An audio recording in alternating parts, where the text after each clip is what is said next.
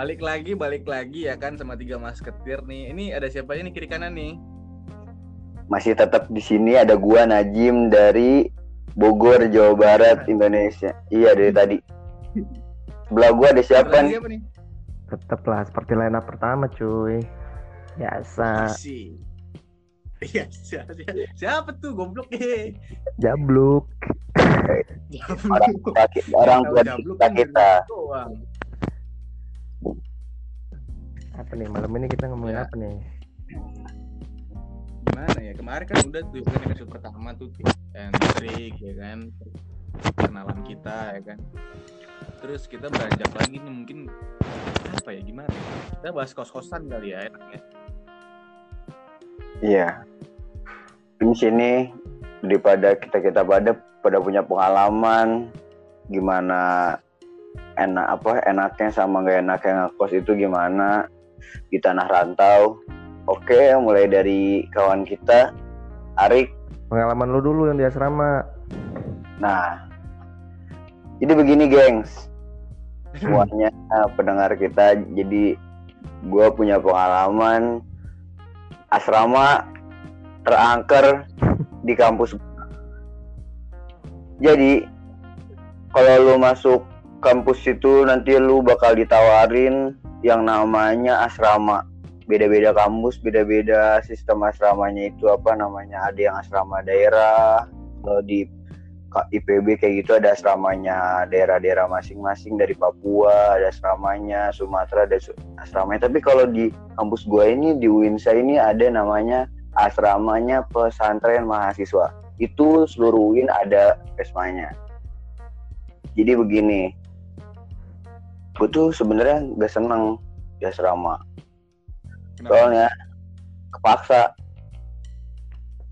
Gua kalau nggak di asrama gue tidur di mana saat itu? Soalnya gua ke Winsa itu nggak ada siapa-siapa.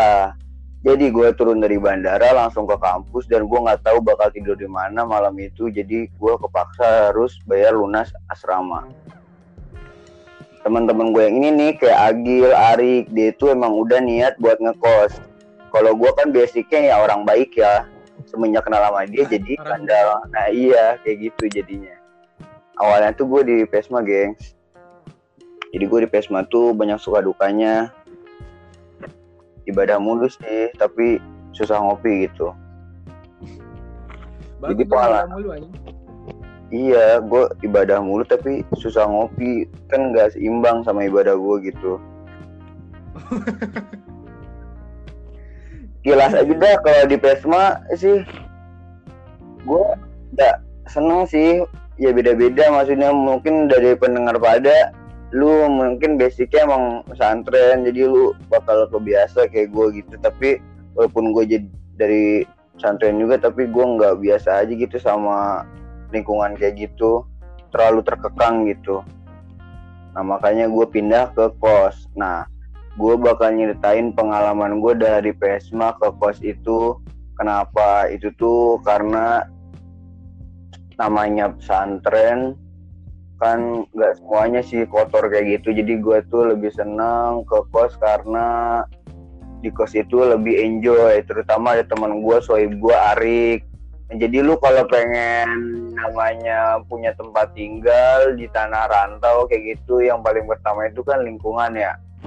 Lingkungan itu paling penting. Jadi sekitar kita kalau kita nggak nyaman kayak di gua di walaupun bagus Pesma itu dia basicnya bagus tapi gua nggak nyaman ya gua nggak saranin sih lu buat ngekos atau asrama. Tapi kalau gua pribadi gue lebih enjoy ngekos. Karena gue di asrama pernah mengalami namanya fase kebetean kegabutan. Nah, jadi- iya. Nah sekarang gue nggak bisa nyeritain banyak ya Asra- pes- asrama gue. Soalnya gue hidupnya gini-gini aja gitu. Mendingan teman-teman gue deh pada nyeritain ngekosnya gimana suka do apa namanya pengalaman ngekosnya kayak gitu. Buat dulu pada yang pada pengen lebih memilih ngekos atau asrama itu kalau gue nyaranin sih ngekos aja sih. Kalau buat dulu pada yang pada nggak serak sama kayak di pesma pesma kayak gitu. Coba deh lu Gil gimana Gil menurut lu? Menurut gua ya. Awal aja kalau mulai dari kalau ngekos. Nah, lu. gimana gimana? Ya mungkin cerit ceritain dari awal lu bisa nemuin kos gitu Ah. Oke, kalau kalau gue nih awal-awal dari kos terus kesan-kesan kosnya pertama tuh sebelum gue ke Surabaya, sebelum gue tes segala macem tuh sebenarnya gue tuh udah nyari kos duluan gitu di ini loh di mami kos gitu kan banyak kos-kosan tuh. ternyata emang di Surabaya gitu kan gue baru tahu kos-kosannya itu murah-murah gitu loh ada 500 300 empat setengah segala macem ada lah dengan fasilitas masing-masing. Nah habis itu gue udah nyari-nyari gitu kemudian ternyata itu udah ada udah dicariin ya kan? Sama om gue tuh yang di gedangan yang kemarin gue ceritain. Nah ternyata tuh udah cariin gitu kan? Set begitu itu harga kosnya tuh lima ribu sebulan. Terus ada mesin cucinya tuh itu mesin cuci penting sekali sumpah nggak bohong. Mesin cuci itu ya kan nggak usah ngelondri mesin cuci aja udah pokoknya nah dan sekali. itu uh mantap sekali mesin cuci itu. lima ribu mesin cuci ya kan bu Anjing. duit laundry mending buat kopi ya ini sumpah. Udah tuh udah gitu itu kos tuh bangunan bangunan baru gitu kan makanya gua orang pertama di situ. Terus ekspektasi gue tuh yang ngekos tuh pertama ya. Hari pertama eh enggak ekspek- ekspektasi gue tuh wah enak nih kos nih. Wah kayaknya asik juga nih ya kan rame di kosan segala macem pas nyampe sana ternyata gue sendiri gitu kan ternyata bangun bangunan baru ya kan wah sendirian gitu kan. Cuman enjoy gitu loh karena gue orangnya ya sana sini oke asik sana sini hayu gitu kan. Enak tuh ya kan. Udah gitu mulailah muncul tuh gak lama gak, gak lama beberapa hari muncul teman gue namanya Dewo ya kan. Sadewo Aji Saputra wih Anes itu mah sumpah.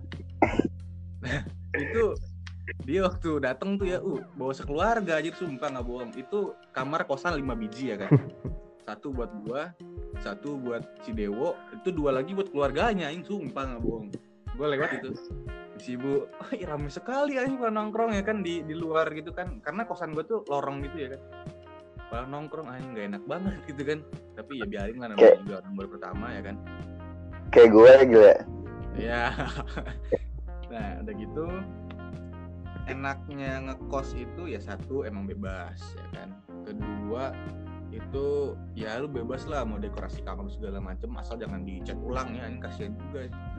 Bagel-bagelin lu ntar sama ibu kos yang ada. Nah udah gitu eh enak-enaknya banyak lah. Terus yang gak enaknya itu kalau misalkan lu nggak nemuin kosan yang satu frekuensi sama lu gitu kayak temen sekos lu atau temen sekamar lu beda haluan gitu loh kayak nggak masuk gitu loh. Nah udah gitu eh, selang beberapa lama ada teman gue juga masuk ya kan si Apit tuh. Nah itu udah mulai enak lah di situ ya kan ngopi dia malam di kosan. Nah abis itu enaknya punya temen kosan yang satu frekuensi gitu ya itu diajak sana sini hayu pokoknya. Ajak ini apa ajak makan bareng nyari makan. Hayu pokoknya jalan-jalan segala macem ya kan udah gitu gua di kosan tuh pernah eh, bikin indomie. Itu pakai air panas anjing di dispenser. Pakai air panas indomie goreng. Terus bukan dimasak ya kan pakai air panas di dispenser anjing mbak minyak keriting juga enggak ya kan banyak banget airnya ditirisin itu bukan pakai piring anjing pakai plastik Indomaret piringnya sumpah anjing. Gila itu juga. Ya Allah.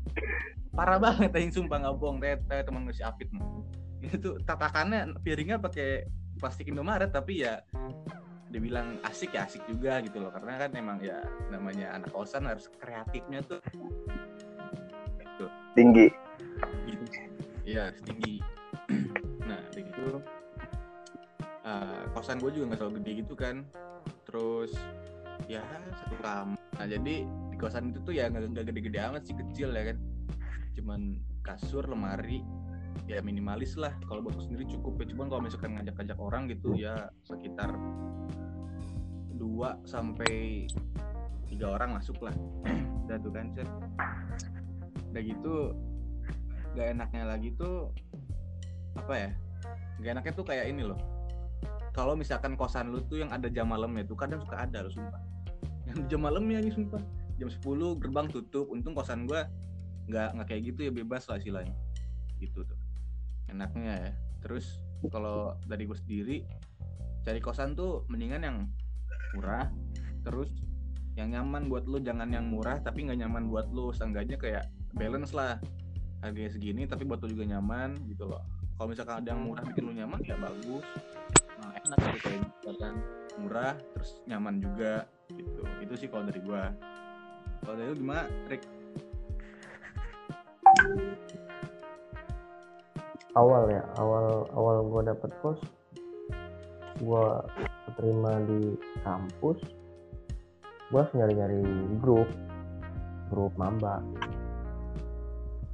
Nah di grup mamba tuh waktu itu rame pada entah casting entah mamba pada nge-share info kos.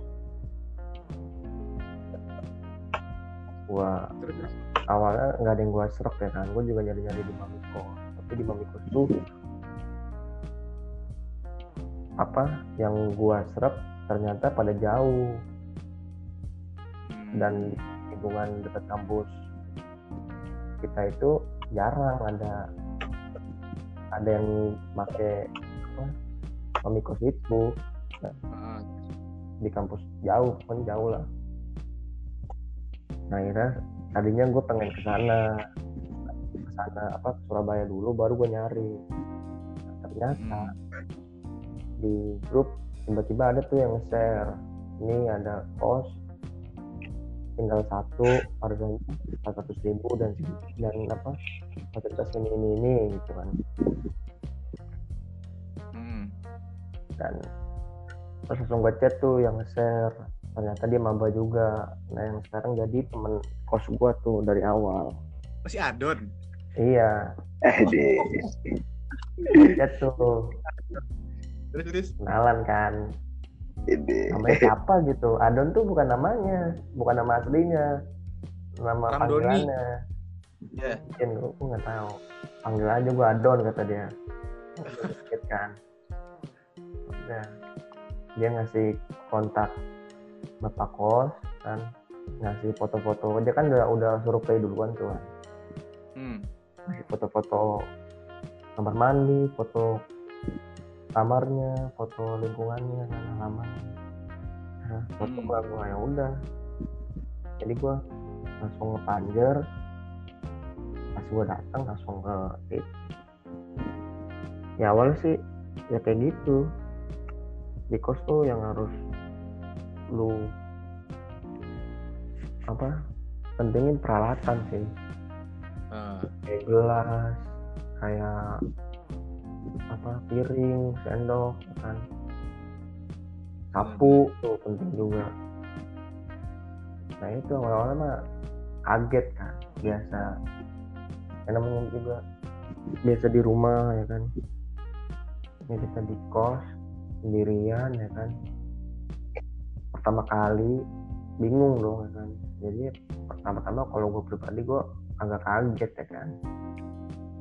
Harus ngatur duit gimana caranya bisa makan teratur cukup buat sebulan.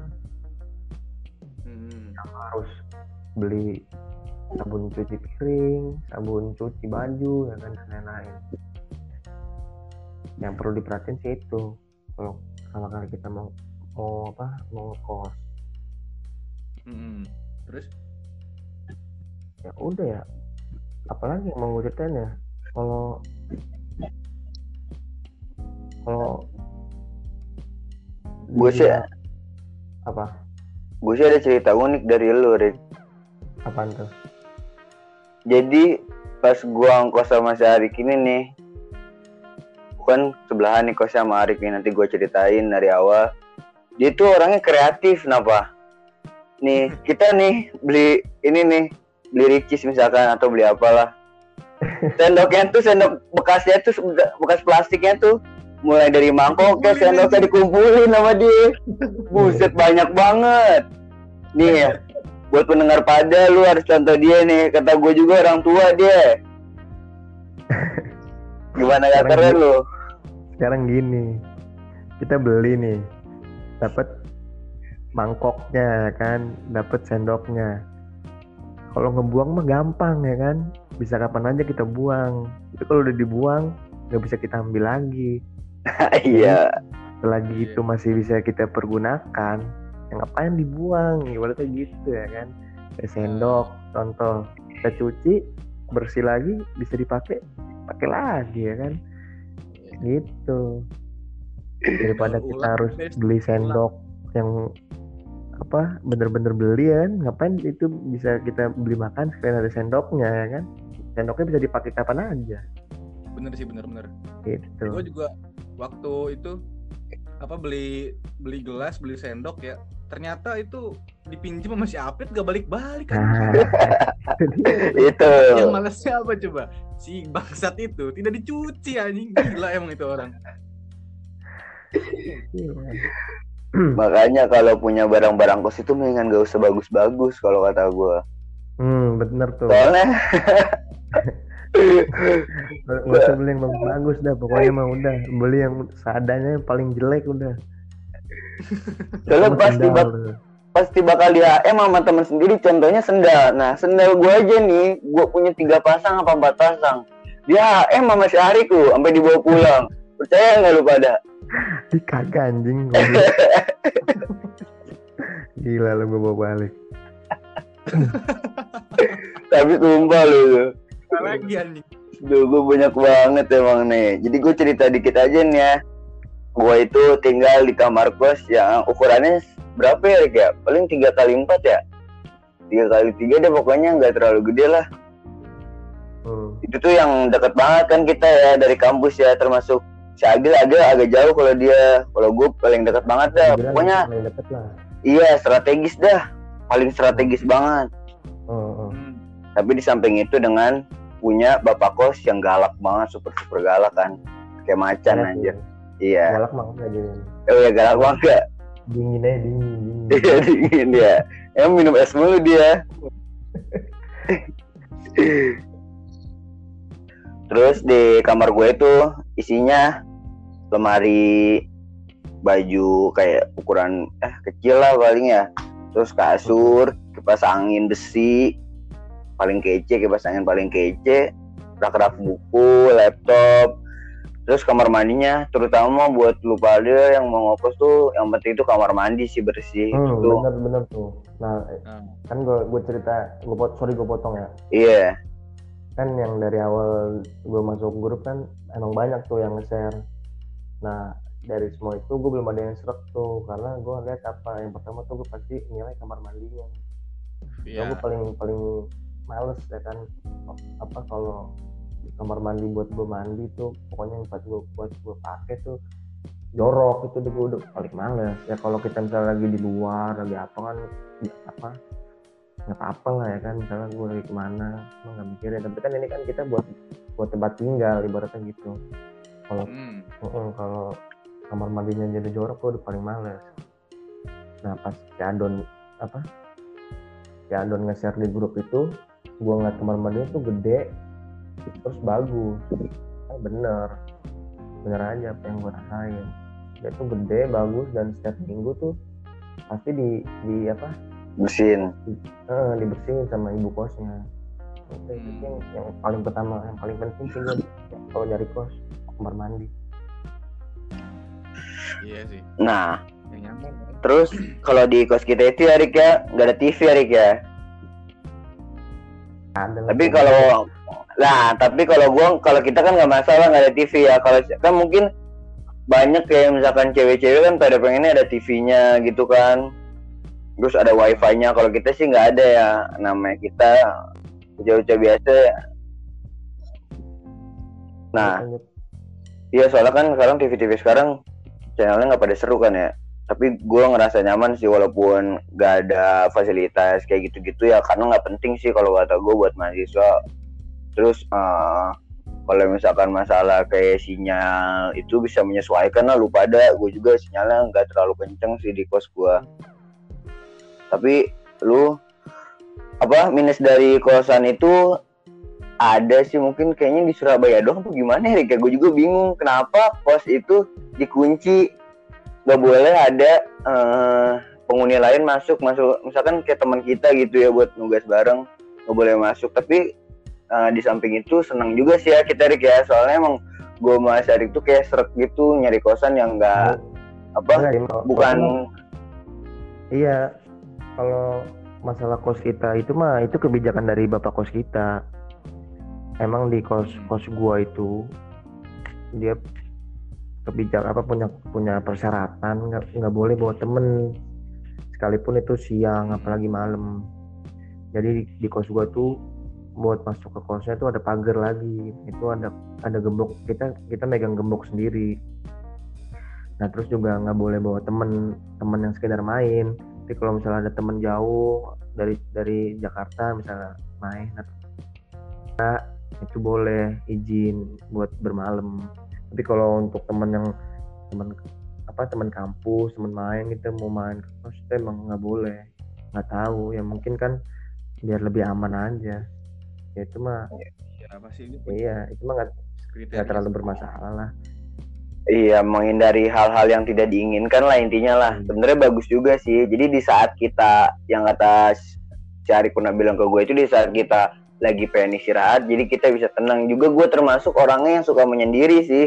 Sebelum gue kenal sama si Ari sama si Agil, gue termasuk orang yang ke mana-mana ya sendiri. Mau ke mana, mau ke mall, mau ke mana, ngopi ya sendiri sih gue.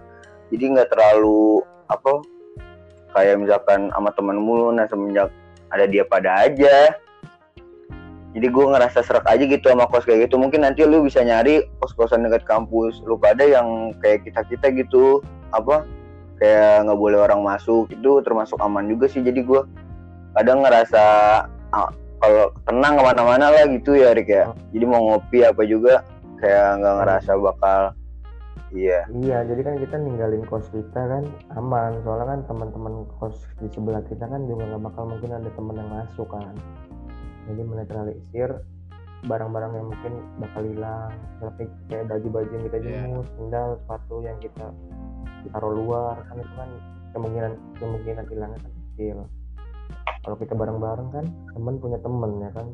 Entah teman kita teman kos kita mungkin baik, tapi temannya temannya dia lagi kan belum tentu ya kan Iya. ya ada ada semua ada ada plus minusnya lah dalam hidup ya bukannya persangka buruk kan cuma kita antisipasi Iya. aja gitu ya kan karena kita kan jauh dari rumah juga gitu loh. Jadi ya anak kos harus anti- antisipasi gitu ya. Iya biar aman. Iya terutama kayak alat elektronik lah kayak gitu laptop kayak gitu. Aduh kacau dah pokoknya kalau itu hilang. Alhamdulillah terus kalau misalkan masalah perut nih cara perut nih ini kan terutama nih. Cara perut nah kalau bisa mah sih itu wacana kita sih punya rice cooker tapi kalau misalkan di kosnya masing-masing udah ada kompor kayak dapur gitu itu manfaatin sih. Itu penting banget. Soalnya kita, namanya anak kos kayak gitu mikirin duit mie nyetok sedus kayak gitu kan Iya. suka lapar tengah malam kan. Iya kalau menurut gue sih yang penting itu nasi sih. Yang penting lu ada nasi. Iya. Nah udah bisa makan lu entah mau pakai garam doang mau pakai kecap atau saus doang pakai kerupuk juga jadi ya kan? Iya benar. Cocok banget Benar, tuh benar, bagi benar, anak kos yang penting mah ada rice cooker ya kan? Bisa kebeli beras udah cukup banget. Iya. Udah lama. Tapi jangan ini. Soalnya gua waktu itu kan si Apit punya tuh rice cooker ya kan di kamar dia tuh. Gua happy seneng gitu kan. Set hari pertama awal-awalan tuh wah giat tuh masak nasi ya kan. Eh udah sono-sononya ke kepake Eh, kan, iya. rice cooker bener banget itu sih. Jadi wah udah gila. Tuh ya ke kosan tuh sumpah anjing. Kalau pulang ngejember ya kan bawa mie ya kan bawa mie mie telur itu kan berapa plastik kagak dimakan anjing udah gila emang. Bawa kecap bawa saus segala macem ujungnya beli di warteg lagi aja soalnya itu itu yang paling males sih. Seperti gini nih kita kayak nggak punya waktu gitu. Padahal kita banyak waktu tapi di waktu buat rebahan buat ngopi. Hmm. padahal kita apa balik ke kos itu nggak ngapa-ngapain kan?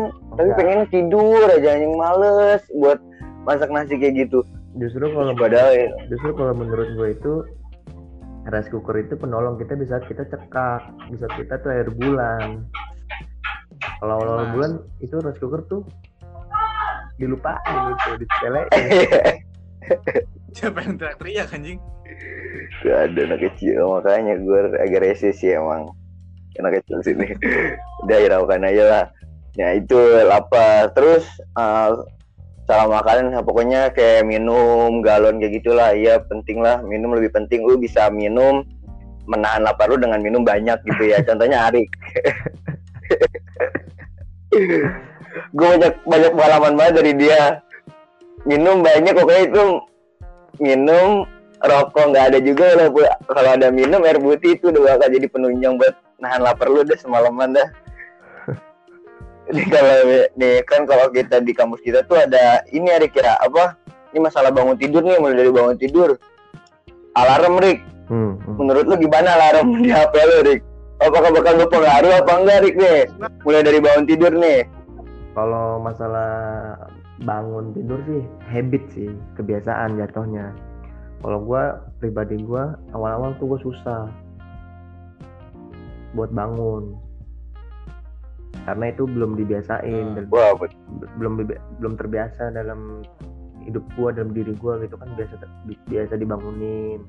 Gitu kan biasa ada orang rumah lah kawannya nah kalau ini kan kita bener-bener sendiri di satu kamar kita bener-bener sendiri ya kan. Kalau awal gue susah tuh Benar. gue udah pasang alarm nggak bangun kan nggak kedengar ya itu sih gue ngantisipasinya dengan awal-awal tuh gue tidurnya lebih cepet. Gue cepetin misalnya gue tidur jam 12 ini gue jam 11 atau jam 10 gue udah tidur jadi nanti terbiasa kita bangun kalau gue sih masalah kebiasaan aja sih masalah habit aja Iya. Iya. Nah, itu kayak gua juga. Jadi gua masih Arik tuh ya karena satu kos jadi lebih banyak ah, apa pengalaman berdua mulu gitu. Jadi gua kadang bangunin dia, dia kadang bangunin gua. Nah, karena masuk kampus itu jam 6 teng udah harus di kelas kan. Itu sangat mengganggu tidur gua sih anjir. Iya, tapi lebih enak lagi kalau kita punya temen kos yang kayak gitu, yang udah deket, enak udah bisa saling saling bangunin ya kan. Pokoknya enak lah kalau udah punya temen kos yang deket. Nah, ini gue pengen cerita sedikit nih dukanya gue nih ya di kos nih. Jadi Oke. Sebelum si Najim ini pindah ke kos gue nih, gue salah sa- satu-satunya mahasiswa yang ngekos di, di situ tuh yang dari luar Surabaya. Rik, Rik, Rik, Rik. Putus-putus Rik. Putus-putus Rik. Halo, halo, halo. Ya, Masuk aman, aman. aman ya, Jim. Aman. Ih, si Najim hilang. Jim. Goblok emang lagi yang Berarti putus-putus. dia. Iya. Dia yang Gua nge-lag. menghubungkan ulang nih. Aduh. Iya, lu yang nge-lag. Udah aman belum, Jim? Iya, gue yang ngelag. Udah aman belum? Aman belum? Ini capek ngeditnya nih anjing nih. Motong-motongnya nih. PR. Oke, lanjut. Tuh Jim. kan. aman Udah belum? aman. Iya. Ah, ya, terus. Ya jadi gue tuh di kos tuh sebelum si Najim ke kos gua pindah ke kos gua tuh gue satu-satunya yang ngekos di situ tuh yang di luar di luar dari Jawa Timur. Jadi gue setiap kan kampus gua kan Jumat Sabtu Minggu kan pasti libur nggak ada matkul. Kalau nggak ada kegiatan organisasi itu pasti libur. Nah, gua itu di kos itu ada enam kamar.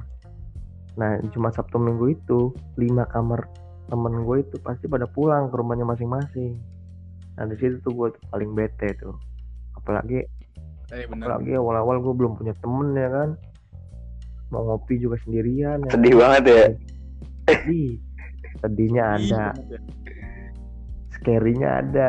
Tuh, Ya. bayangin lu. Bener banget. Iya tuh. Enam, enam kamar, satu kamar doang yang lampunya hidup lu. Dan udah gitu kan yang paling gue bete tuh. Kalau gue malam-malam pengen kencing tuh. Jadi itu kam apa? Maksud gue kan tingkat tingkat ya kan buat tingkat itu. Iya, apartemen lagi tuh ya, ya. Iya gue tuh di atas. Itu gue di apa kamar mandinya tuh di bawah. Nah gue paling bete kalau di Jumat Sabtu Minggu tuh malamnya gue kebangun pengen kencing tuh. Duh. Makanya gue udah nyiapin botol banyak aja buat gue kencing kalau itu. Beneran lu. Ini beneran cerita beneran nih. Serem anjing. Gue nggak berani gue. itu sih yang paling gue bete kok. Kalau suka dukanya gue di kos. Kalau gue udah lagi sendiri aja. Tapi semenjak gue udah kenal banyak temen, nah gue apa bisa antisipasinya tuh dengan cara ngopi sampai pagi ya kan jadi nggak ketemu malam belum kan nginep di kos temen nah itu bisa satu cara tuh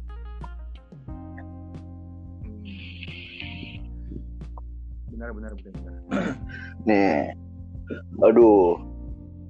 Apa? Kalau misalkan kayak gitu sih Rik kalau gua nggak terlalu apa takut sama kayak setan-setan gitu kalau nggak diomongin. Justru gua takut kalau lagi diomongin. Itu yang gue bikin takut. Tahu sendiri lu gua pas di asrama aja harus manjat tebing masuk ke kamar lantai 4 lo itu hmm. lebih serem daripada di kos anjir kalau lu nggak ngerasain anjing. Kalau lu ngerasain mah caur Jim anjing. Ya, Lu- sih, bener, bener emang. Gua lu tidur ya. siang nih. Waktu- lu tidur siang dari jam 2 lu bangun-bangun maghrib. Itu kalau lu di kos sendiri kagak ada yang nyalain lampu luar. Eh lu bangun-bangun kayak di tengah Iya. hutan anjing gelap sekali itu. Ngeri anjing. Iya soalnya dia apa ya hening banget. Rik ya? Iya. Kos gue tuh kan ke- di belakang jadi yang punya yang punya kosnya tuh rumahnya di depan jadi kosannya tuh ada di belakang rumahnya jadi nggak peduli dia ya ya iya nggak kelihatan juga kan soalnya Hmm. Tapi bener sih emang. Kalau misalkan apa temen kamar kita orang deket-deket Surabaya gitu kan pasti Sabtu Minggu balik kayak gua gitu kan Dewa balik ke Malang, si Apit balik ke Jember. Emang iya sih bener anjing sendirian di kamar gitu. Males banget sumpah anjing. Kalau misalkan gua ya kalau masalah bangun ya, bangun buat ngampus, kan gua orangnya emang susah banget tidur ya. insomnia gitu ya Susah banget tidur sumpah. Ya insomnia insomnia gitulah pokoknya apalah itulah. kalau gue punya cara Oh. sendiri sih. Emang gue kan apa kuat begadangan ya. Ya udah tuh kalau misalnya gue begadang nih sampai subuh nggak bisa tidur, gue gua terusin sama gue. Jadi tidurnya setelah ngampus Hmm. gitu loh. Hmm. Kalau gue ya kalau semua kalau semua pada mau ikutin ya silahkan tapi jangan dicontoh juga sih cepet aja gitu kalau gue. Karena serius gue pertama kali ke kosan itu dibangunin sama ibu kos ya anjing digedor-gedor sumpah parah banget anjing gedor-gedor tuh ya kan udah sono-sononya barulah minta si Dewo minta si Apit ya kan tapi tablonya temen gua si Apit itu ya dia juga tidur anjing gua jadi sama-sama kesiangan anjing. Udah gila emang. Gitulah terus kalau misalkan apa eh, nggak enaknya ya bener sih kata si Ari. Kalau misalkan belum belum kenal siapa siapa gabut di kos ya kan. Gitu. Kalau yang nyeremin ya emang lagi sendirian gitu loh. Karena gue pernah nih ya waktu ada si Apit si Dewo. Si Dewo pulang tuh kan. Nah di kamar Dewo itu kan depan depanan sama gue ya itu di dia itu ada yang lemari kayak digeser-geser. Allahi sumpah itu. Cuman ya gue orangnya kalau gue nggak ngeliat sendiri ya udah gue bodo amat gitu loh. Itu sekali ya kan. Waktu ada si Apit tuh ada si Apit ada si Dewo itu jam berapa? Jam 2an itu. Ada yang ada yang ketawa wallahi nggak bohong. Tapi ya baik lagi karena gue orangnya kalau belum ngeliat belum gitu loh. Itu sih apa kayak halusinasi ya kan berarti gak tahu juga sih gue tapi kalau jeleknya si Arik itu Gil nih gue ngegibah si Arik nih kalau jeleknya dia tuh dia misalkan begadang nih sampai jam 3 jam 4 molor dia subuh dia molor baru brengsek kan ya? Nanti dibangunin dibangunin gue sudah intensif. Udah aja gue ngantuk banget katanya kagak kagak masuk dia nanti ngecat dosennya guys jangan dia gitu insomnianya. Orang gua aja nih misalkan video call nih sampai jam 2 kalau nggak misalkan gua kebangun subuh. Dia belum tidur anjir masih nonton YouTube ya. Tapi kalau gue bangunin kayak gitu kan brengsek ya. Jim nanti bangunin gue ya bangunin gue ya. Kalau gue kalau gue nggak bangun biarin aja. Itu jadi contoh sih jangan contoh itu. Ya itu mah tergantung sikon. Kalau lu udah bisa mainin dosen mainin nah itu enak tuh kayak gitu. iya benar. Kan nggak mungkin juga gue berani kayak gitu kalau gue nggak tahu celahnya. Jadi setelah gue tahu celahnya ya kan misalnya kayak absen maksimal tiga kali. Nah perkuliahan udah mau habis jatah gue masih banyak. Nah itu bisa gue pakai ya kan? Ya. Ya kalau nggak speak speak ke kosma ya kan? Apa Iya deket Iya. itu pinter-pinternya lawa aja sih kalau udah kuliah mah. Bener Ya karena lu udah ya iya namanya orang tua kan udah pengalaman ya sebelum sebelumnya. Jadi ya gue mah ikutin aja. Kadang gue juga ke bawah-bawah tidur gitu. Tapi gue mau marahin si Arik gimana? Ya dia gitu. Kagak intensif. Jadi gue nggak bisa marahin siapa siapa aku nyalain diri gue sendiri. Jadi lu nanti harus sadar diri dah kalau misalkan nggak bangun kayak gitu. Emang karena malas lu. Ya pokoknya buat, buat siapa aja dah yang kebetulan lu masuk ke kampus gua ya kan? Nah lu bisa tuh cari gua tuh ya kan cari-cari kita orang nih. Bisa sharing-sharing ya kan? Hmm, bisa menemani sharing-sharing. waktu pertama di kos lu biar nggak ngerasain yang aneh-aneh tuh. Oh, Iya, kan? Soalnya kita jadi ngopi eh, 24 jam. terus pokoknya mah apalagi kalau kebetulan lu anak jabot wah. udah. Lu. Udah bos. tapi kita nggak cuma buat anak jawab sih kita maksudnya welcome buat semuanya. Iya kita open buat semuanya. Apalagi yang jauh dari Papua dari Aceh nggak apa-apa ikut aja sama Jabut iya biar lu asik dah. Bener. Yang- enggak lah open kita nih, kita nggak nggak nggak open di jabotnya kita open di di kitanya. Iya. tiganya Iya, kita cuman go open satu sih open BO Iya. kita enggak ya. bisa aja Dur. emang dia nih buat pendengar pada emang Agil yang paling benar sih kalau di sini makanya lu jangan aneh ngomong kayak gitu-gitu Sembar sembarangan lu kalau ngomong gue tuh alif Lu gila. Dan dulu TK ya? gila kali ya.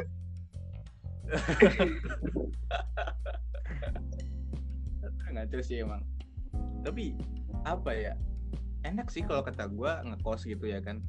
Tapi eh, kalau gue sendiri ya jangan jangan jangan eh, mengharapkan banyak lah dari rantau segala macam karena ekspektasi sama realita itu memang beda banget gitu loh. yang mungkin yang kita ceritain ya Gil yang kita ceritain mungkin yang aneh-anehnya doang yang jelek-jeleknya doang sebenarnya banyak apa manfaatnya sih kalau misalkan lu bisa manage semuanya misalkan lu emang karena ngekos lu bisa jadi lebih fokus belajarnya itu bisa jadi sih. Itu apa emang gue juga awalnya niatnya gitu gue pindah dari asrama ke kos itu gue harus lebih giat nih ngerjain tugas karena gue nggak ada kegiatan di PESMA terus juga emang gue tadi yang darinya di PESMA rajin sholat jadi agak banyak bolong-bolongnya lah misalkan cuma maghrib doang gitu sih jangan dicontoh tapi apa kalau lu lebih giat belajarnya sih itu bagus banget jadi lu ada perubahan banyak deh misalkan lu yang, tadinya SMA lu malas-malasan belajar cuma lagi ulangan doang nanti lu kalau kuliah lu emang harus belajar tiap hari nggak cuma ada tugas doang itu sih yang harus lu manfaatin pas lu ngekos. Jadi lu mentang-mentang eh, jauh dari tanah apa lu ngerantau atau misalkan lu jauh dari rumah lu ngekos emang karena lu pengen bebas dari orang tua lu itu sih salah besar sih kesalahan besar. Itu karena emang kita butuh tempat tinggal tapi kita harus lebih fokus Hmm. lagi. Butuh tempat Hmm. tinggal yang apa namanya yang emang buat karena kita lebih giat lagi deh belajarnya. Jadi jangan lu manfaatin buat yang aneh-aneh. Kayak gitu misalkan lu kayak contohnya deh lu misalkan mabuk di kos lah itu jangan sampai sih. Iya itu ya. jangan, jangan sampai ya. kejadian. Eh, intinya sih kalau di apa kalau kita ngekos itu kalau kita baik niatnya baik itu bisa bakal baik banget. Tapi kalau misalnya kita udah sekali nggak bener nih sekali ngikutin hasutan bisikan-bisikan goib nih nggak bener. Pasti itu terus-terusan ngeblangsak contoh kayak misalnya gue dari dari rumah udah bawa bawa buku banyak sekali ya kan. Awal-awal gue baca. Kalau gue gabut gue baca-baca buku ya kan tapi sekali bisikan itu masuk ah, ngapain terbang aja? Udah langsung online ya kan? Udah itu Mana langsung lu ke depannya buku tuh Iya. kagak bakal lu pegang lagi itu. Ih, tapi beneran coba ada tuh itu. beneran di kos si Arik banyak banget buku dia. Gue ny iya gue nyangka juga emang dia dia apa ya kayak si Apit gitu hobinya ngebaca. Itu sih gue apa kadang suka iri gitu. Ternyata pas gue lihat realitanya alah dia lagi nonton YouTube anjir anjir nonton film. Dan gue banyak buku kan nunjuk nunjukin ke gue aja nanti lu kalau misalkan mau minjem buku nih gue banyak nih buku-buku gini-gini. Udih mantep banget kan. Gue jadi semangat gitu wah. Ya Arik baca buku juga kalau gabut tuh bisa nambah wawasan kan. Eh realitanya beda kan juga sih Rik lu parah Rik Hmm. nah terus terus gini nih. Kan kita anak kosan nih ya kan? Ah, pasti anak kosan tuh harus pinter memanage uang harus nabung. Nih nih gimana nih menurut lu? Cara caranya gimana? Menurut lu ya? Gimana tuh? Ya kalau kalau gua kalau dari gue pribadi nih ya lo kan pasti tahu nih jatah bulanan dari orang tua lu berapa. Nah tuh lu harus minimal tuh Hmm. satu hari tuh lu catet biar lu ada patokan. Misalnya hari pertama udah udah ber, ber- apa udah misalnya mi- apa misalnya udah sebulan nih. Nah di apa di hari harinya tuh lu lu catet. Misalnya lu makan siang makan siang tuh berapa? Terus tuh berapa? Misalnya beli rokok beli rokok tuh berapa?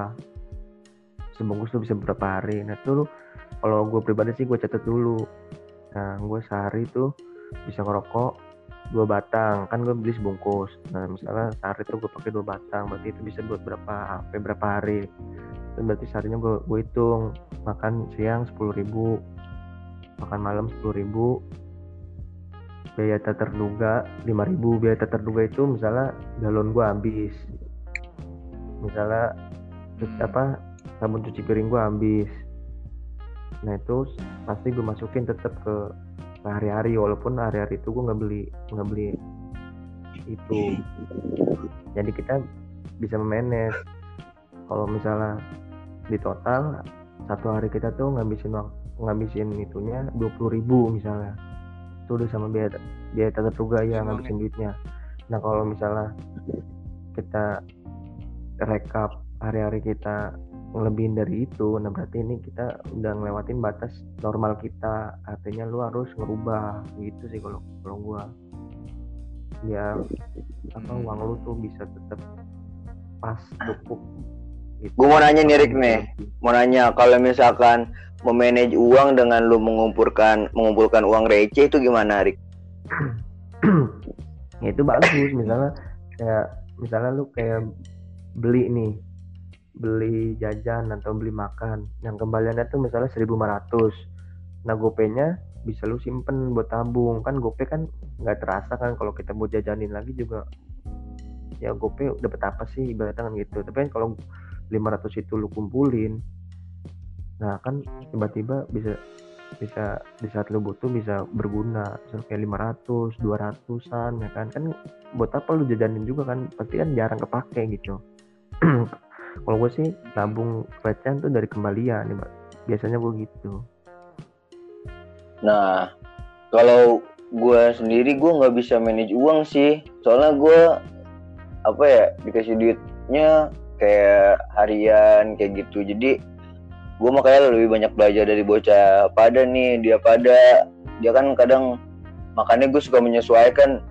gue kadang pengen makannya makan yang enak-enak mulu gitu. Ntar gue mau diajak ke Mas Arik nih, Jim lu daripada beli kayak gitu, beli warteg misalkan lauknya banyak, harganya mahal mending beli tahu tek ceban banyak gitu kan. Itu sih yang gue apa banyak pengalaman daripada bocah-bocah misalkan kalau gue lagi lagi gak ya kalau gue sih berpikirnya gini kan kita tuh esensinya makan tuh apa? Biar kenyang kan.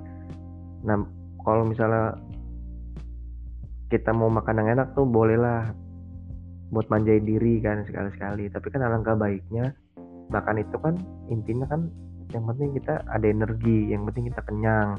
Nggak perlu harus yang lauknya banyak gitu. Coba perlu misalnya nasi lauknya telur atau apa sama sayur udah cukup gitu kan. Daripada lu harus buang-buang duit lu ya sebenarnya sih nggak masalah juga tapi kan alangkah baiknya ya digunakan secu- secukupnya aja nggak usah yang terlalu berlebihan. Intinya kan kita makan itu kan buat kenyang gitu. Jadi gue suka ngebilangin Jim daripada lu beli-beli apa GoFood terus kalau nggak beli ke warteg lauknya yang mahal-mahal terus. Mendingan duit duit sisanya itu bisa lu tabungin bisa buat lu ntar keperluan apa gitu kan. Itu. Benar benar. Iya sih. Ini kalau gua nih lu mau pada tahu kan nih gua situ. Iya, gimana? Soalnya Boleh, beda banget nih sama lu pada nih. Kalau gua gua orangnya nih ya. Gua tuh orangnya mendingan gua miskin di awal dulu tapi gua kayak di akhir gitu loh ngerti gak? Jadi kayak duit bulanan gua turun nih. Jadi satu per empat bulanan gua tuh gua tabungin di celengan ayam yang nggak nggak bisa dibuka segala macem karena kalau gua mendingan gitu. Soalnya gua dalam dua bulan bisa ngumpulin sekitar berapa ya? Soalnya kemarin-kemarin gue nyobain ya kan gope ke atas tuh dapat gitu loh dengan dua bulan ya kan karena duit bulan turun langsung satu per empatnya gue tabungin. Di keren banget lu. gitu sih kalau gua. Soalnya oh, gua, eh serius demi allah nggak bohong gua malah bangga sendiri anjing. Pas lagi ceket-ceketnya wah anjing, celengan nih ya kan ada celengan nih. Pas gua buka gitu kan kemarin tuh waktu mau balik sama gua buka lumayan nih gitu gitu soalnya gua orangnya juga makannya juga apa ya dibilang jarang juga jarang sih soalnya gua makan malam mulu gitu makanya nih badan gua udah kayak babi parah Iya sih itu manage masing-masing ya. Kalau gue juga gue nggak nggak bener dah. Kalau gue buruk banget kalau masalah manage uang kayak gitu. Nggak bisa banget gue nabung kayak gitu emang gimana ya gue nggak ada eh, kemauan. Bukan karena emang gue nggak ini. Guanya nggak yang ya jadi gimana dari kita masing-masing sih. Kayak si Agil apa yang nggak bisa dibuka jadi mau nggak mau kan ah gue buka nanti gue harus beli celengan lagi. Terus nanti duit gue habis nanti di celengan. Nanti bisa buat beli kuota buat beli apa lu Ya, keperluan lain kayak lu ikut seminar kayak gitu. Nah kalau misalkan gue sih sistemnya duit habis habis kayak gitu. Makanya gue bingung. Nggak bisa nabung nabung nggak bisa beli apa apa itu sih efek buruknya kalau lu nggak nabung lu nggak bakal bisa kebeli apa apa lu misalkan lagi lu pengen beli apa kayak barang apa lu jadi nggak bisa beli kan. Harusnya lu ya pas duit lu nyekak lu ada duit simpenan tapi lu nggak nggak bisa nabung. Ya lu mau nggak mau lu nggak makan. Itu pasti Ya kalau kalau tips dari gua sih ya, mendingan kalau kalau gue sendiri ya mendingan gue miskin di awal dulu, tapi kayak di akhir gitu sih di akhir-akhir bulan tuh, karena ya maksud yang gue miskin di awal tuh, toh gue makan dapat buat fotokopi segala macam dapat, buat rokok masih dapat gitu, itu udah cukup buat buat segala macem gitu. Nah enaknya nanti di akhir gitu loh. Jangan kan orang banyak orang tuh banyak gini ya, wah gue awal bulan nih dapet duit turun langsung gue poya-poya segala macem, akhir bulan malah jadi ini ya makan batu. Kalau eh, ini nih kalau memanage waktu gimana nih? Ya lu kan manage waktu gimana? Nah ngopi Ngopi sama- nugas sama tidur. Itu bagaimana memanage waktunya? Sebagai anak kos kan lu pasti nggak bakal teratur tidurnya. Itu gimana nih? Hmm. ya kalau gua ya gua tuh orangnya seneng. Senengnya gini loh gua seneng ngerjain tugas waktu itu udah mau mau di hari haknya udah deket kegiatan itu kan. Serius gua waktu itu sama si Arik tuh mau mau balik ya Rik ya? Yang kita ngerjain Oh, resume tuh oh. gak yang lu bantuin gua. Itu kan ngejar parah dua hari ngeresum ya kan. Gitu gua orangnya. Terus membagi waktunya gua tuh di kosan tuh kebanyakan cuman ngerjain tugas sama tidur doang. Sisanya sih ya udah ngopi terus relasi ngobrol segala macem. Apa eks- eksplorasi Surabaya lah segala macem gitu kalau gua. Manage waktunya gitu sih. Cuman dibilang manage waktu juga orangnya orang juga sih gimana ya? Itulah, ada waktu kosong ya udah gua pakai aja pokoknya. Kalau lu Rik gimana Rik? Gitu sih. Kalau pribadi gue sih manage waktu sih tergantung apa seberapa dewasanya lu sih. Nah benar. Kalau gue hmm. iya kalau gue ya mana kan lu kan udah bisa bisa tahu bisa memilih mana yang lebih penting. Benar. Misalnya lu mentingin ngopi terus ya berarti kan lu nggak mentingin kuliah lu gitu. Nah, kalau gua hmm. kalau mera gua merasa tugas yang gue ini tuh bisa gue handle kapan aja gue ini. Nah itu gue pasti fleksibel.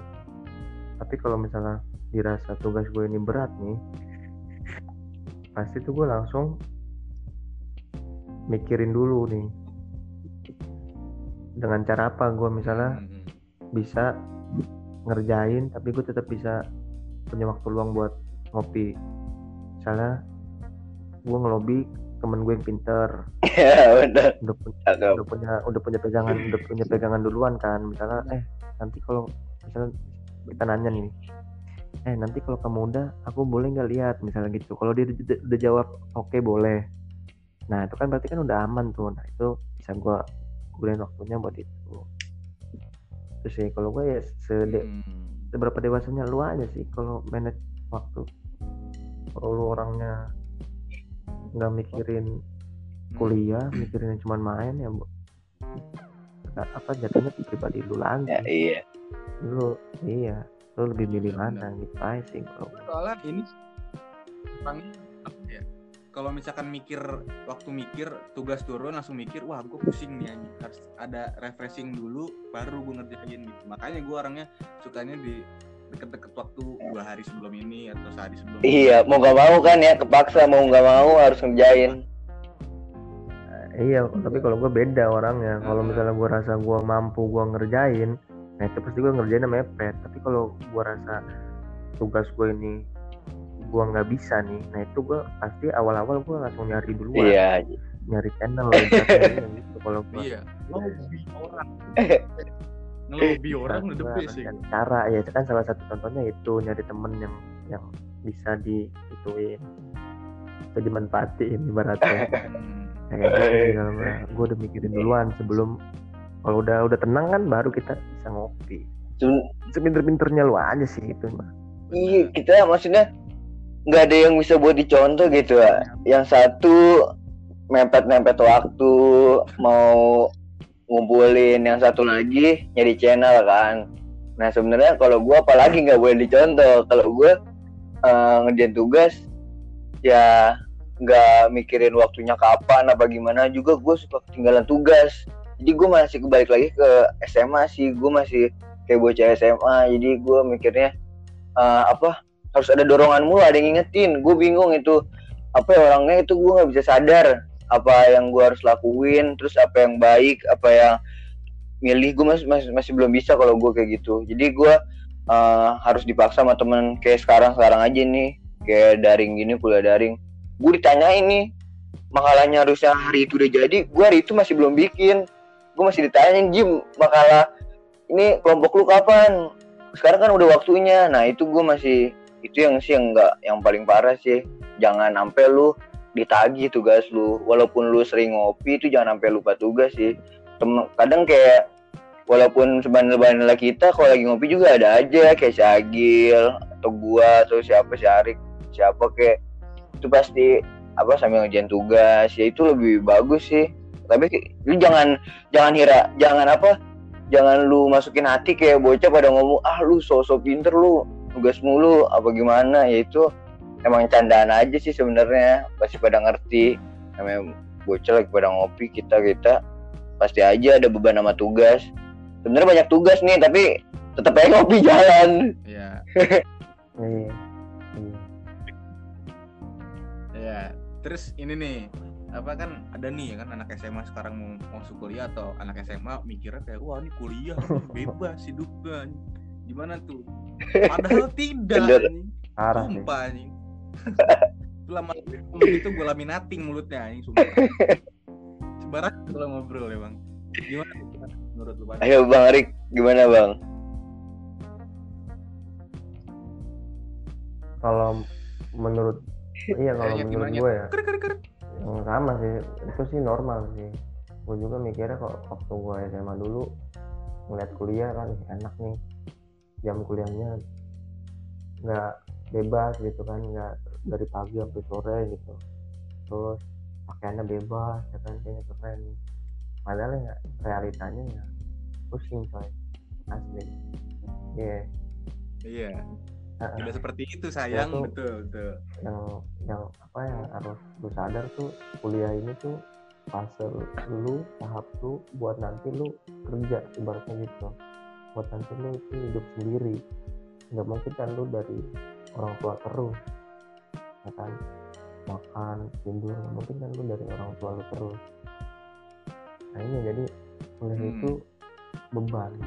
Kalau lu malas-malesan lu nggak punya skill lu bisa apa ibaratnya gitu? Kalau kalau masih SMA kan kita masih ditanggung masih ibaratnya masih remaja lah ya kan?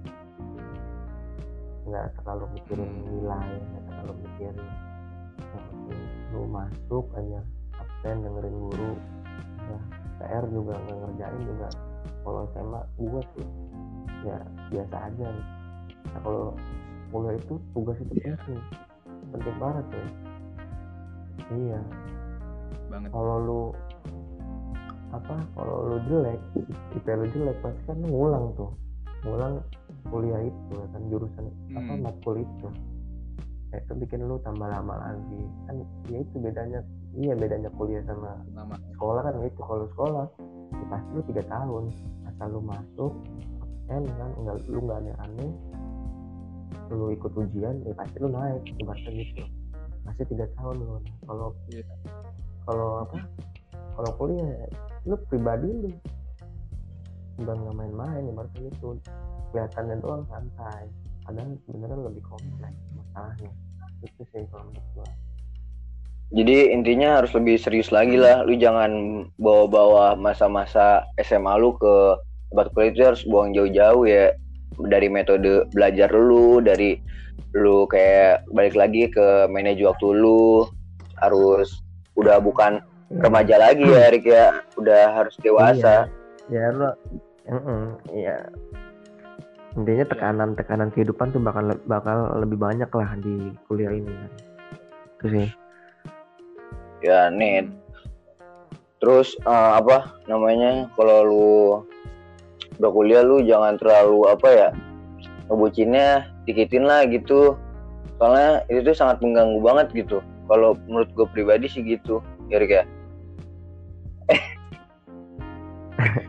ya kalau menurut gue pribadi ya masalah pasangan perbucinan itu ya tergantung kita apa kita sama pasangan kita kalau kitanya bisa sama-sama dewasa sama-sama ngerti kalau kita ini kuliah loh bukan lagi SMA gitu. Iya. Ya. Hmm. heeh. malah kalau yang Kadang enak ya yang bisa sama-sama paham gitu sama-sama dewasa gitu justru malah ngepush Iya, benar. malah bisa ya, malah bisa enak. Nah beda lagi kalau misalnya entah ceweknya atau entah kita berduanya itu masih itu tadi pikirannya masih SMA masih iya masih sen- maunya tuh seneng-seneng aja main-main doang ibaratnya gitu. Senengnya main aja itu bakal susah sih kecuali lu udah emang anaknya konglomerat ya udah apa-apa lah. Iya. Iya tiap hari. Iya kalau kita kan pusing ya kan. Benar.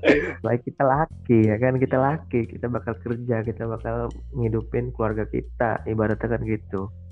Ngas- Iya, pas ngasih makan apa gitu. Masa tahu tek terus kasih makannya ceweknya. Aduh. Kacau. kalau lu nggak bener tuh mau kapan lulusnya? Pertama satu itu kan. Nah, mau sampai kapan lulusnya? Bisa-bisa lu nggak lulus lu di DO malah nah kalau lu lulus Iya. lu punya skill apa? Ibaratnya lulus lu tuh bener-bener lulus apa lu hanya sekedar lulus biasa ibaratnya gitu?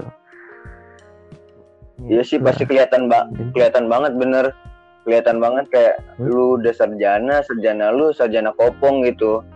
Gak ada apa-apanya. Hmm. iya kan banyak yang kayak Itu gitu iya bener. Jadi kan walaupun sekarang dengan metode orang dalam tetap aja lu kalau nggak punya skill mah gimana iya. Iya. Justru ya kuliah sekarang tuh emang buat gimana ya? Khususnya anak rantau ya ini kayak dasarnya buat hidup selanjutnya Mm, dari mm, mm. ngatur segala macam dari uh itu sangat penga- pengalaman hidup sangat sih itu. Macem. jadi kalau statement kuliah asik itu menurut gue salah. Nggak nggak nggak iya. Kuliah tuh nggak santai kalau menurut gue bisa santai kalau misalkan lu bisa manage Iya, dengan benar tapi, eh, semuanya. Mau iya nggak tapi kalau menurut gue sih kalau normalnya manusia ya tekanan tekanan kehidupan membuat lu nggak santai. Ya emang emang kuliah itu lebih bebas ibaratnya. Lebih lebih bebas mengapresiasi apa Hmm. mengeks- mengekspresikan diri lu. Soalnya kan lu udah maha ya kan udah mahasiswa lu lebih bebas. Kayak contoh kuliahnya tuh pakai baju bebas. Itu kan bentuk mengekspresikan diri ya kan? Emang lu kalau di kuliah itu emang lebih bebas. Apalagi yang ngerantau gitu kan? Emang udah bebas ya. Tapi itu kalau lu masih pikirannya itu bebas lu itu malah menjerumus lu kehidupan ngebelangsak ke depannya ibaratnya gitu. Mm-mm. jadi Iya. bebas tapi nggak santai ibaratnya gitu. Harus serius. Hmm. Ya, serius ngatur segalanya Mm-mm. sendiri ya kan? Tapi jangan kalau maksudnya gue takutnya yang pada pengen kuliah di jauh gitu lu mikirnya banyak pikiran gitu nanti kalau lu bakal kuliah lu banyak beban bukan kayak gitu. Sebenarnya kita bukan buat ngajarin buat depresi kayak gitu sih. Eh, jangan lu lihat buruknya lu lihat baiknya buat ke depannya. Itu tuh emang eh, lu ditekan kayak gitu buat lu lebih baik gitu. Maksud tujuannya kayak gitu kan Erik ya. Maksud takutnya orang berpikir eh, bakal wah nanti gue kayak gini-gini dong ya. Banyak beban juga gue nanti hidupnya sejak kuliah. Nggak kayak gitu sebenarnya Rik ya. Enggak ya. Gue takutnya orang mau pikir kayak gitu. Orang mau pikir- kenapa?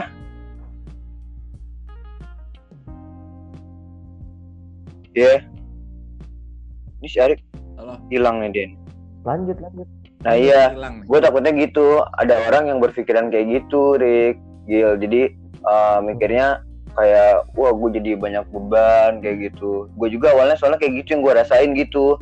Jadi uh, gue kan gue cerita sendiri ke lu apa kok apa gue ngeluh banyak tugas kayak gitu. Terus gue bilang gue anak BSA jadi gue banyak tugas. Gue kadang suka ah, bukan alasan sih sebenarnya emang benar. Cuma tapi gue masih ke bawah-bawah aroma-aroma SMA gitu.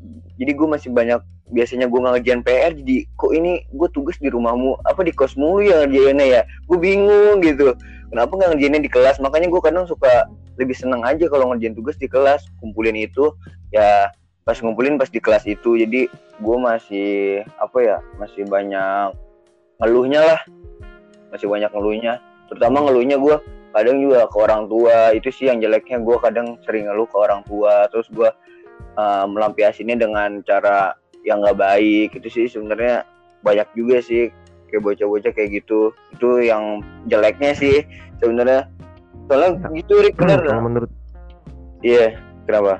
Kalau kalau menurut kalau menurut gue sih kalau ngeluh ke orang tua sih nggak jelek sih bagaimanapun juga kan orang tua kan hidupnya lebih duluan dari kita ya berarti udah udah banyak pengalamannya udah banyak udah ngerti lah apa yang harus dilakukan sama anaknya. Nah, menurut gue kalau ngeluh ke orang tua sih nggak jelek sih malah justru bagus. Daripada lu ngeluhnya ke orang yang salah malah. Ya itu malah jadi bahaya karena ngeluh ke orang tua ke keluarga sendiri gitu karena itu kan keluarga tempat keluh kesal lu seluruh segala macam. Tapi uh, kalau gue ada aja misalkan kan kayak gue semenjak sama si Arik nih satu kos gue kadang lagi ngopi aja gue ngobrol Rik gue banyak banget tugas ya gini-gini. Gue kayak suka gitu aja suka kayak eh, sedih banget gitu gue gue udah duit udah nggak ada kayak gitu kadang gue juga suka lebih lega sama teman gitu nggak tahu kenapa. Apa maksudnya gue suka nyaring apa yang harus gue ceritain ke orang tua apa yang gue harus apa yang gak gue ceritain ke orang tua. Kadang kan ya kali gue ngeluhnya karena duit mulu. Kadang kan gue suka gitu ngeluhnya karena duit mulu duit habis mulu. Terus gue kalau misalkan tugas-tugas gue juga sering sih ngeluh karena gue banyak tugas jadi gue harus minta duit banyak nih ke orang tua sebenarnya jelek sih kayak gitu. Itu pengalaman gue sendiri selama gue satu tahun di sana. Gue apa sering ngeluhnya karena itu mulu noh. Sensitif duit itu ya bener ya.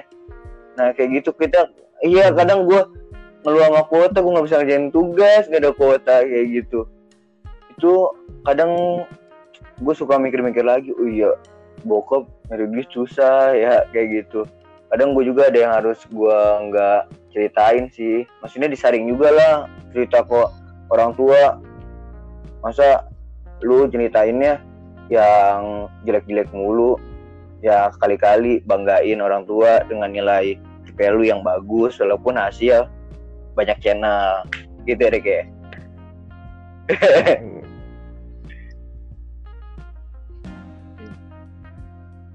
udah udah Iya. udah mau sejam aja nih ya udah empat menit lagi mau sejam sama yang tadi udah sejam lah Iya. sebelumnya oh iya Iya, lah, terakhiran nih, gue juga udah dua, dua, dua, iya udah udah satu Ya persen udah. malah. Belum tutup apa? iya hmm. Tutup nih. yaudah sekian aja dari kita Ya, kita semoga bermanfaat Ah, ambil yang baiknya buang yang buruknya Ah, ya udah sih Iya, itu aja. Iya. Di, di obrolan kita malam ini kan. Semoga bisa membantu bagi teman-teman yang mau kos atau yang baru mau masuk iya itu sekilas pengalaman hidup aja lah. Iya. Emang sih belum banyak tapi kan setengahnya mungkin ada Iya. bisa di- didapat. Ada ba- ada bayangannya lah nanti ngekos kayak gimana gitu. Iya, iya. Yo, Oke. gua Najim. Kalau gitu, gua Agil. Ya gua Arik Ya. thank you ya Beres. thank you thank you semuanya thank you Udah